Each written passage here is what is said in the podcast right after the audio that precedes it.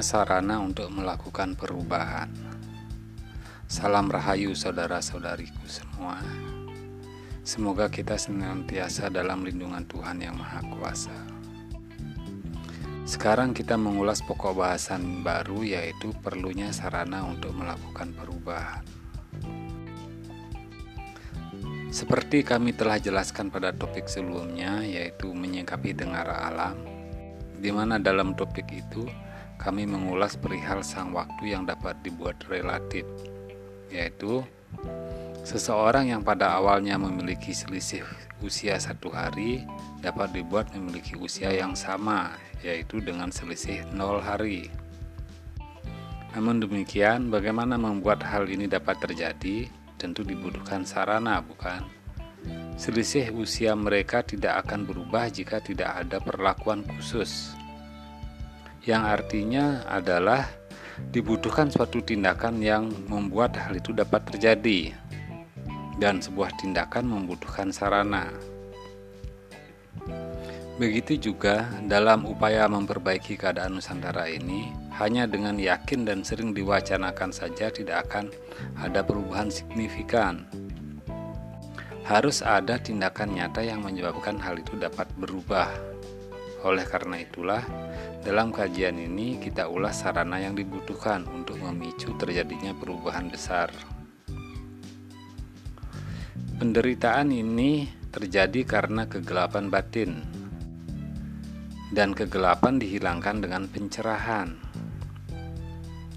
Dan dalam jangka Jayabaya pun disebutkan bahwa hilangnya penderitaan ini karena mendapat pencerahan dari Bathara Suryo.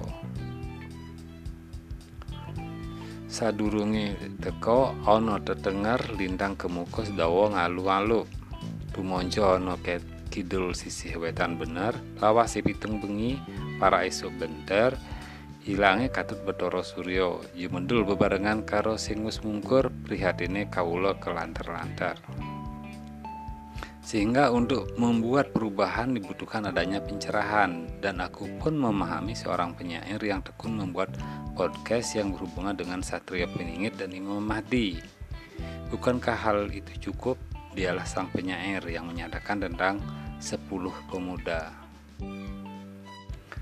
Persahabatan adalah sebuah sarana yang sangat baik di dalam penyelesaian masalah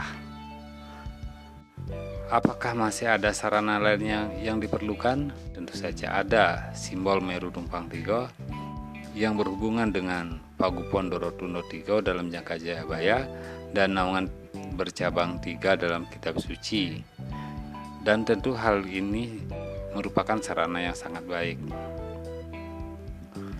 Dan bila seseorang memberikan pencerahan, maka seseorang pencerah haruslah bebas dari penyakit hati dan di sinilah sang penyair perlu mendapatkan penyembuhan sehingga nantinya akan dapat memberikan pencerahan yang lebih baik lagi. Penyembuhan ini memang relatif susah karena menyangkut intisari kesadaran atau pusat kesadaran dan pusat kesadaran itu itulah nuklir dari kesadaran kita. Dan kita membutuhkan reaksi nuklir untuk mendapatkan perubahan inti kesadaran. Pada umumnya, kesadaran manusia didominasi oleh emosi benci, sehingga sifat yang muncul adalah sifat cemburu dan rasa takut. Dengan melakukan penyembuhan dengan teknologi reaksi nuklir, maka diharapkan intisari kesadaran ini dapat berubah menjadi inti dengan tingkat energi yang lebih rendah dan lebih stabil, yaitu pusat kesadaran didominasi oleh emosi kasih. Emosi kasih inilah yang akan mempersatukan kehidupan ini dan menundunnya menjadi lebih baik. Nah, itulah sekilas sarana yang ada. Tinggal sekarang bagaimana menggunakan sarana ini secara optimal untuk mendapatkan hasil. Di sinilah diperlukan kreativitas pikiran. Pasti ada jalan, sumber daya eh, sudah mendukung dan sarana pun ada. Tinggal sekarang bagaimana membuatnya agar terjadi. Adakah sarana lainnya yang, yang diperlukan? Tentu saja diperlukan juga kerjasama dengan Romo Ageng, dengan Romo Resi untuk bekerja sama memberikan pencerahan sehingga kehidupan ini dapat pulih kembali. Bagaimana membuat hal ini terjadi? Baiklah, kita perlu mengenali permasalahan ini dengan jelas. Berbagai macam kesulitan yang dihadapi serta tujuan yang ingin dicapai. Permasalahan yang ada yaitu umat terpecah belah menjadi banyak golongan dan hanya satu golongan saja yang selamat. Dan yang selamat ini kurang dari 2% golongan. Hal ini terjadi karena kegelapan batin dan kegelapan batin terjadi karena kehidupan ini dikuasai oleh emosi benci yang memicu rasa cemburu dan ketakutan. Kecemburuan inilah masalah besar. Di sisi lainnya, kecemburuan ini dijadikan pedoman hidup sehingga tujuan kehidupan menjadi salah arah. Ini persoalan dasarnya. Tertanam kuat dalam intisari kesadaran sehingga untuk penyembuhan ini diperlukan reaksi inti kesadaran yang mengubah emosi benci menjadi emosi kasih. Emosi kasih inilah yang membahagiakan dalam kehidupan ini. Sarananya tentu diperlukan sang pencerah. Dalam hal ini kita fokuskan pada sang penyair. Apa dan bagaimana keinginan sang penyair? Diketahui bahwa sang penyair pun adalah orang yang mendalami jangka Jayabaya maupun jangka Sabdo Palonoyo Genggong. Sang penyair berharap munculnya Ratu Adil. Sang penyair konon telah berkomunikasi dengan Imam Mahdi. Hal ini tercermin dari salah satu podcast yang dia unggah. Kita tahu Imam Mahdi berhubungan dengan khilafah dan khilafah tertolak di Indonesia. Pernyataan ini disampaikan oleh Kiai Haji Ma'ruf Amin sebagai wakil presiden kita. Di samping itu, kita juga memahami perjuangan khilafah mengalami banyak kesulitan karena berbenturan dengan hukum negara. Di sisi lainnya ada juga pejuang khilafah dari para eskatologi Islam di mana hal ini pun akan sulit memunculkan Imam Mahdi sebab Imam Mahdi baru turun ke dunia setelah didahului oleh turunnya Nabi Isa.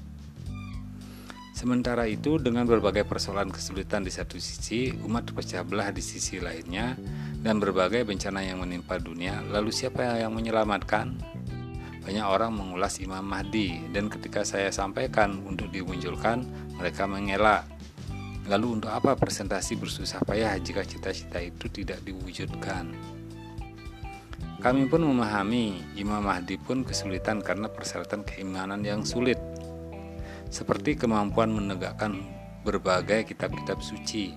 Sementara itu, memahami dengan jelas satu kitab suci saja banyak sekali kesulitannya. Sehingga teori memunculkan Imam Mahdi menjadi teori mustahil. Namun demikian, fenomena alam ini sepertinya berpacu dengan teori kiamat. Teori kiamat ditengarai sebagai teori yang mengerikan, padahal teori ini lebih mudah dicapai dan diwujudkan, serta lebih efektif untuk tindakan penyelamatan.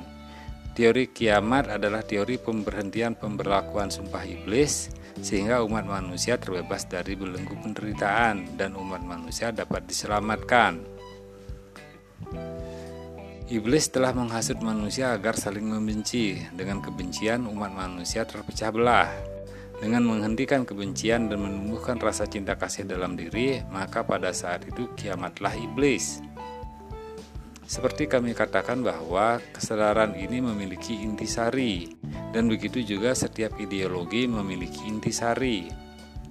Dan perubahan pada intisari kesadaran akan mengubah manusia selamanya Hal yang sama perubahan pada intisari ideologi maka akan mengubah pandangan hidup selamanya. Inilah konsepnya.